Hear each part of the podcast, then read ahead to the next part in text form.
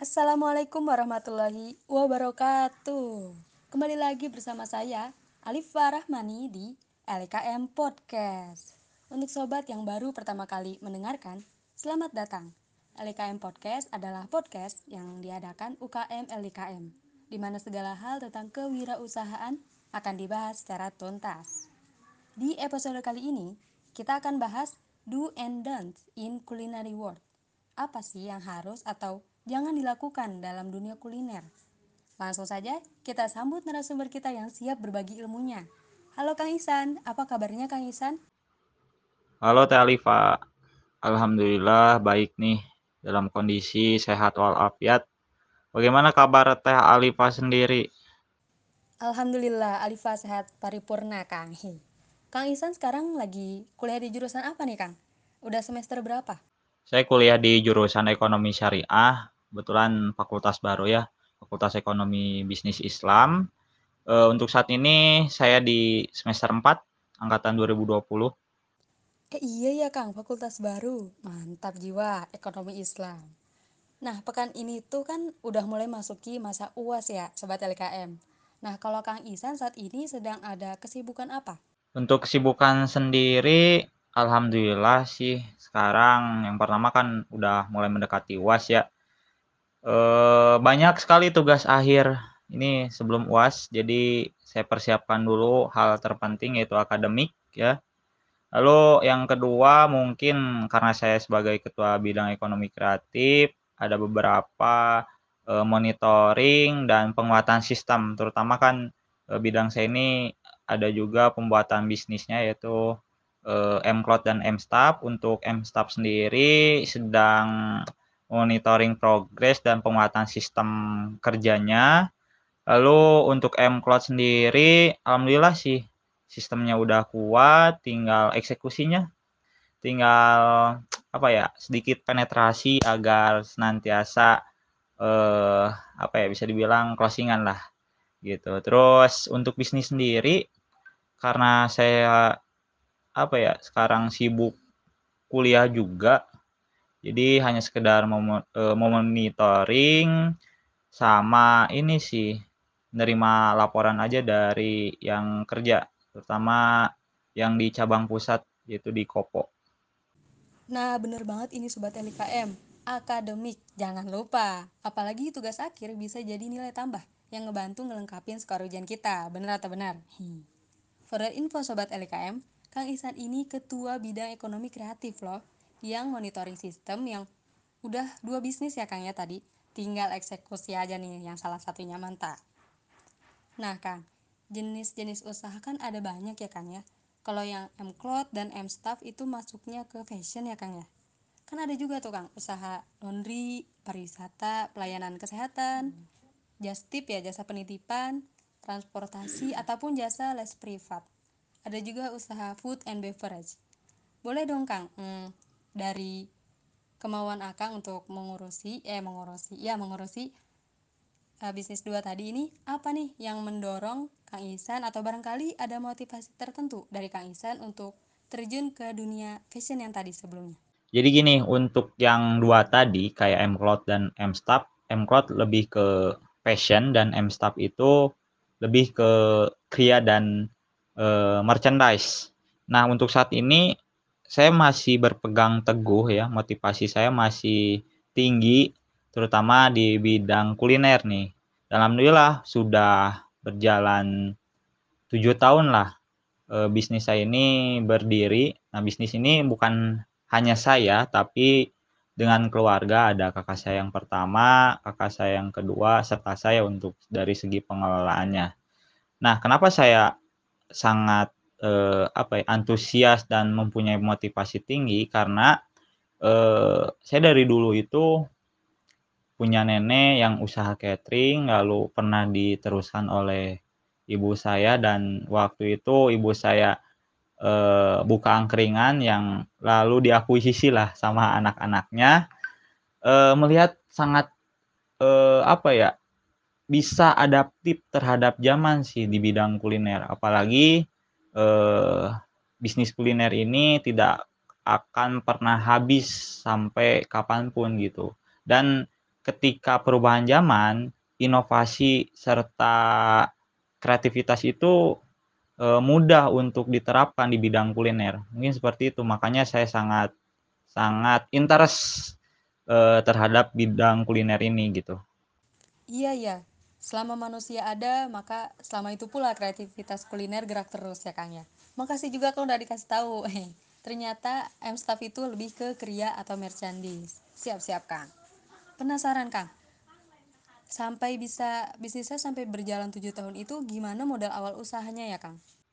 Alhamdulillah bisa survive selama tujuh tahun tentunya penuh dengan lika-liku gitu. Oke, sebelumnya mungkin kenalin dulu nih bisnis saya itu eh, di lebih tepatnya di bidang kuliner atau tempat nongkrong ya, namanya Kedai Waras. Ada yang di Kopo dan ada juga yang di Ciparai nih.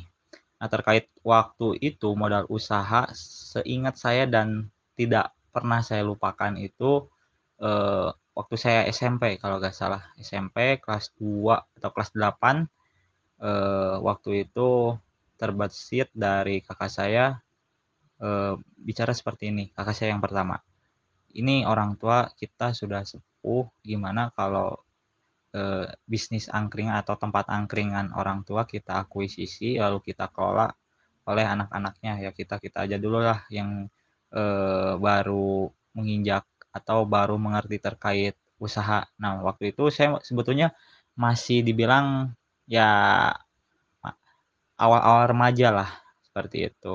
Nah, eh, untuk modal usahanya kakak saya yang pertama waktu itu keluar ya kerja dari pabrik eh, mobil salah satu di kota Cikarang keluar lalu kakak saya baru juga eh, menginjak lulus dari bangku sekolah waktu itu dan masing-masing punya tabungan termasuk saya. Akhirnya kakak saya berunding dengan anak-anak orang tua saya untuk mengumpulkan modal ini lalu akhirnya e, dibuatkanlah gitu kan bisnis ini. Ya mungkin kecil-kecilan sih. Tapi alhamdulillah berkat kegigihan, berkat ketekunan dari kami e, terciptalah bisnis e, kedai waras ini gitu. Masya Allah. Itikat yang baik ya Kang ya, bantu orang tua dan ternyata itu bisa jadi peluang usaha. Nah, boleh dong Kang. Lokasi usaha untuk dunia kuliner itu menurut Akang pasnya itu gimana? Terkait lokasi usaha itu relatif sih menurut saya. Karena kalau misalnya ini nih, kayak contohnya bisnis saya kan tempat nongkrong. Mungkin menentukan lokasi itu harus strategis, nyaman untuk dipakai nongkrong anak muda, luas gitu kan. Lalu mungkin untuk sekarang ya, yang jelas Instagramable gitu kan. Tempatnya harus lebih estetik karena kan sedikit-sedikit posting, sedikit-sedikit eh, ya kita upload story ya kan seperti itu. Dan mungkin itu eh, apa ya bisa dibilang tergantung makanan dan atau minuman kita itu apa. Kalau misalnya identik dengan salah satu kota nih, nah itu bisa di tempat-tempat wisata atau di tempat-tempat yang sering dikunjungi walaupun itu jauh gitu kan.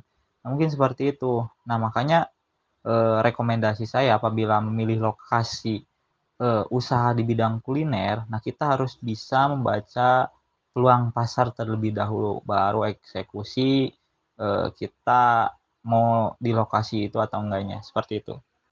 Siap, berarti baca peluang, perhatikan situasi dan kondisi sekitar biar sekitar juga tertarik sama apa yang mau kita usahakan ya Kang ya. Dan juga ada media sosial bener tadi kayak kata Kang Isan. Dikit-dikit postingnya bawaannya emang begitu ya karena biar nge-branding, biar terkenal juga memperkenalkan lebih lanjut ya Kang ya detailnya. Nah Kang, tergantung makanan dan minuman Kang. Bagaimana sih kita menentukan ini bisa jadi menu andalan gitu? Terkait menu andalan, sebetulnya kami ya di bisnis Dewaras ini punya ini apa metode tersendiri. Yang pertama, kalaupun itu menjadi menu andalan, menu best seller, berarti itu mempunyai value atau nilai lebih daripada yang lain gitu kan. Nah, nilai lebih itu kita harus bisa tentukan. Misalnya, meskipun makanannya itu hanya sekedar cireng, Nah, cireng ini harus berbeda dengan menu yang lainnya, entah dimodifikasi dari bumbunya atau bahan bakunya gitu kan. Atau misalnya di minuman nih, kopi, kan di menu saya itu ada kopi juga. Bagaimana kopi ini bisa menu e, menjadi menu andalan? Ya kita e, tonjolin tuh ininya apa? E, value atau nilai lebihnya seperti apa, entah itu dari cita rasa atau ciri khas kopinya dari mana gitu kan, entah itu dari Puntang atau Ciwidey atau kita modifikasi agar ya mungkin cita rasanya lebih enak atau lebih berbeda daripada yang lain. Seperti itu sih kalau metode dari kami. Oh gitu ya Kang ya. Berarti Sobat LKM, kayaknya ada nih yang perlu kita perhatikan yakni komposisi yang terkandung di dalam menu yang mau kita jadikan menu andalan gitu. Nah Kang, kalau di usaha Akang ada berapa pemasok bahan baku? Bahan baku di usaha Akang. Terus idealnya butuh berapa sih sumber daya manusia yang dibutuhkan usaha? Terutama usaha yang sudah berkembang yang ingin lebih besar, idealnya butuh berapa sumber daya manusia? Misalkan, oh ini nanti bisa bagian cooking, bagian waiter, bagian kasir. Nah, itu idealnya butuh berapa? Kan kalau usaha tergolong baru udah jelas ya seorang asisten udah cukup nih.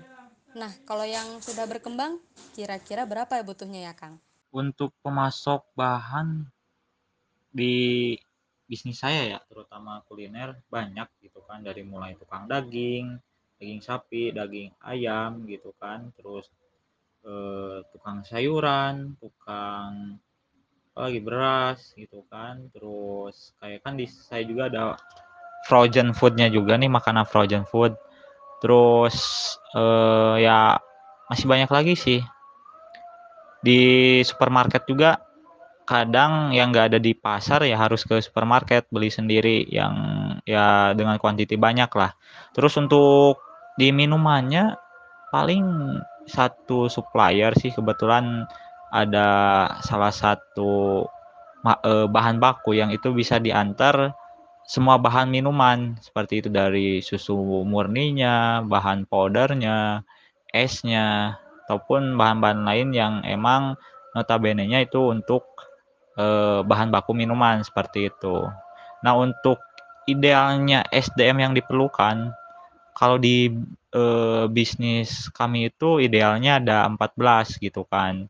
14 itu ada dua atau tiga orangnya di dapur, dua orangnya di bar ya tempat minuman, bikin minuman, lalu satu kasir, dua eh, ini dua waiters.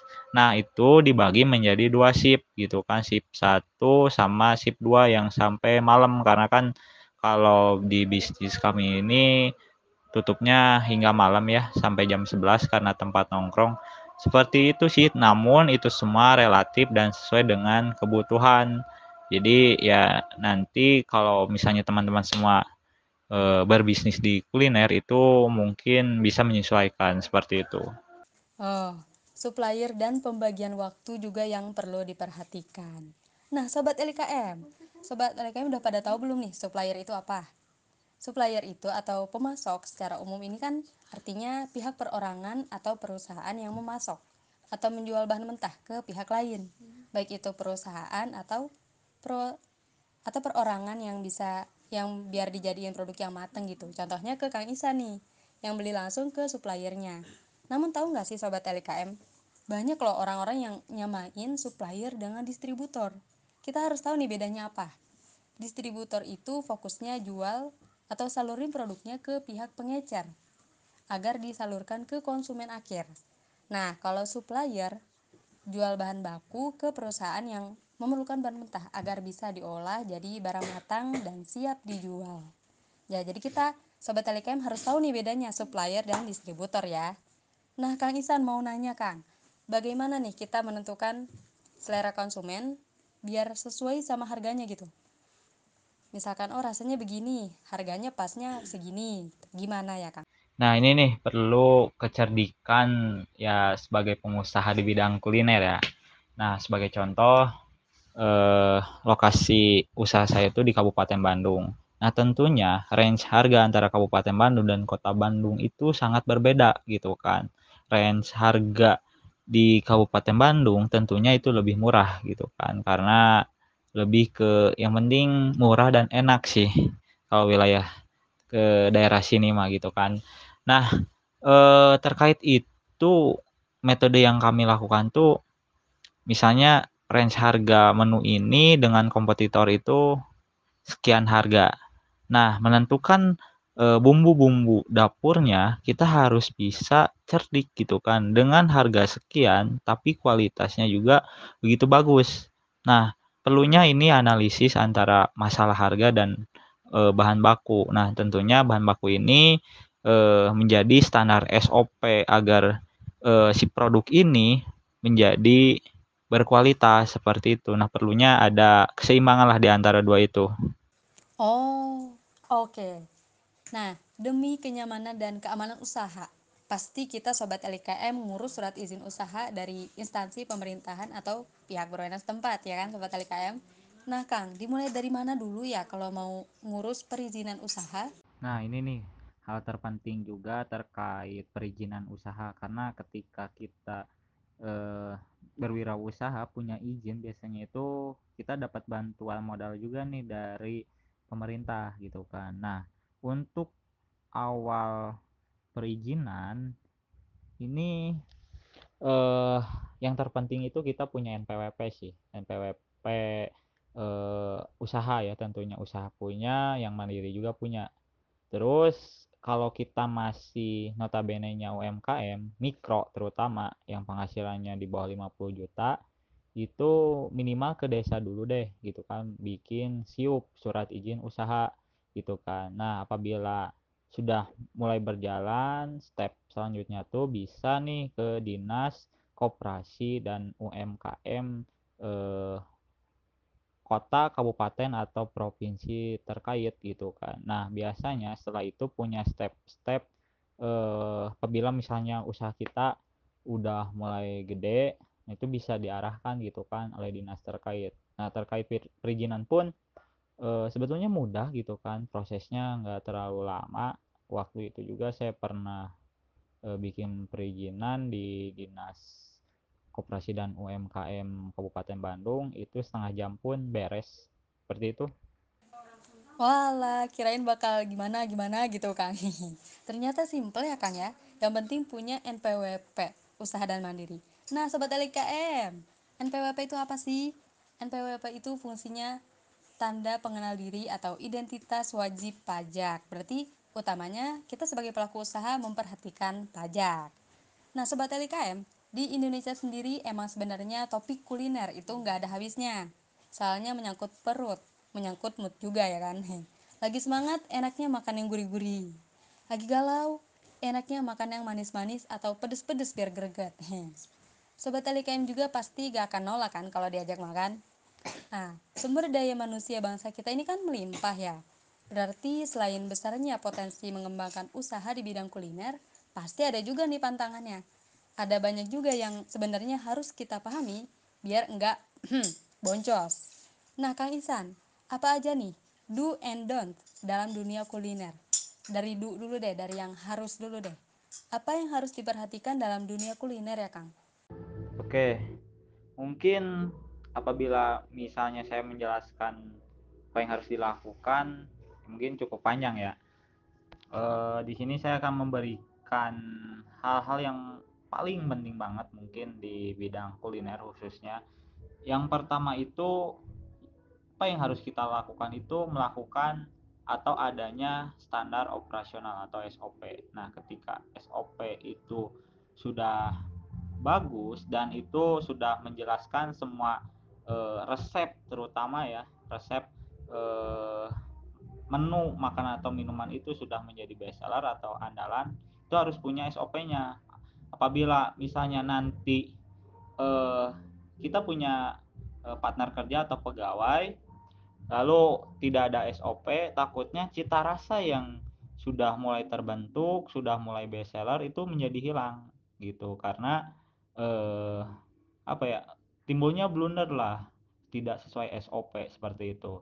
Nah mungkin apa yang tidak boleh dilakukannya itu tadi gitu kan blunder karena ketika kepercayaan customer itu meningkat, wah ini rasanya udah mulai enak. Nah, coba itu pertahankan dan jangan lakukan hal sekecil apa pun blunder. Karena ketika sekarang ya, eh, misalnya seblak atau cireng, cita rasanya udah enak gitu kan, bestseller, udah eh, tersebar dari mulut ke mulut. Ketika hal itu menjadi tidak enak atau tidak sesuai dengan rasa sebelumnya itu gampang banget viral kalau di zaman sekarang gitu kan. Mulut ke mulut eh ini rasanya kok beda-beda gini gini gini.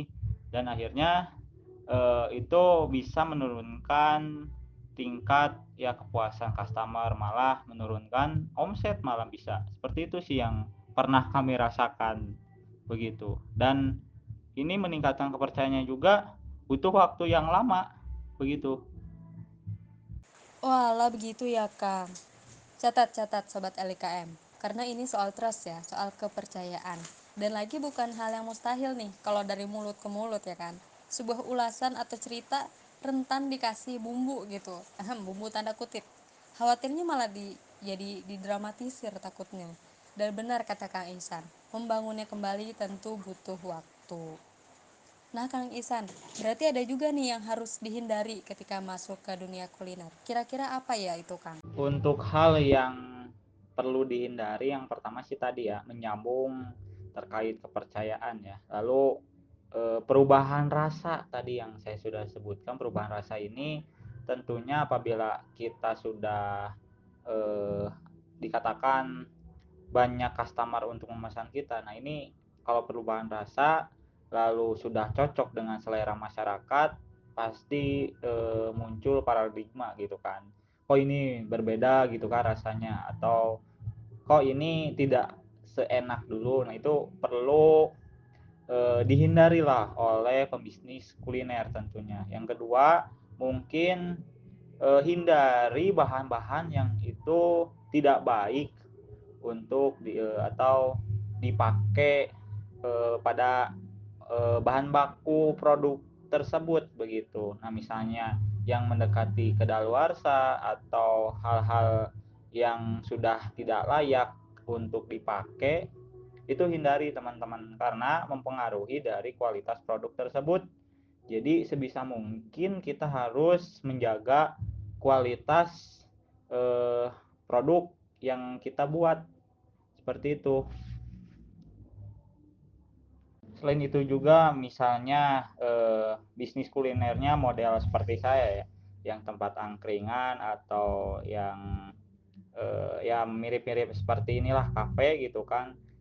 Hal yang paling penting itu eh, hindari pelayanan yang kurang baik begitu. Misalnya angkuh saat eh, melayani customer atau eh, kurang maksimalnya misalnya dari segi estimasi waktu pembuatan nah itu perlu dihindari teman-teman makanya hal-hal seperti ini sebisa mungkin eh, dijaga begitu Walah, siap Kang. Mantap, daging banget sih ini pembahasannya.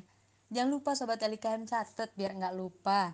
Biar makin mantap juga buat memanage usaha di bidang kuliner Sobat LKM. Nah tidak terasa nih Kang, kita udah di ujung ya. Apa closing statement yang ingin Kang Ihsan sampaikan untuk kita semua? Mungkin tidak banyak sih karena saya tipenya susah untuk merangkai kata ya.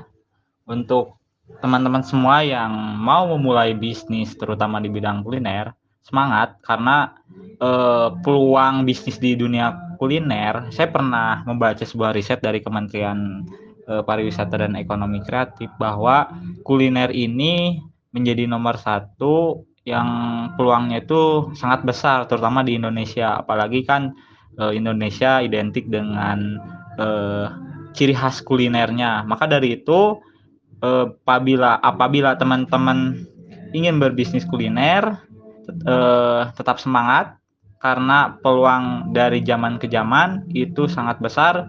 Dan jangan pantang menyerah karena saya yakin teman-teman bisa dan bedakan antara gak mau dan gak bisa gitu kan saya yakin semua teman-teman bisa dan uh, saya yakin juga teman-teman mampu melewati step-step uh, yang bakal hadir ketika teman-teman memulai usaha ini terutama di bidang kuliner. Mungkin seperti itu Teh Alipa.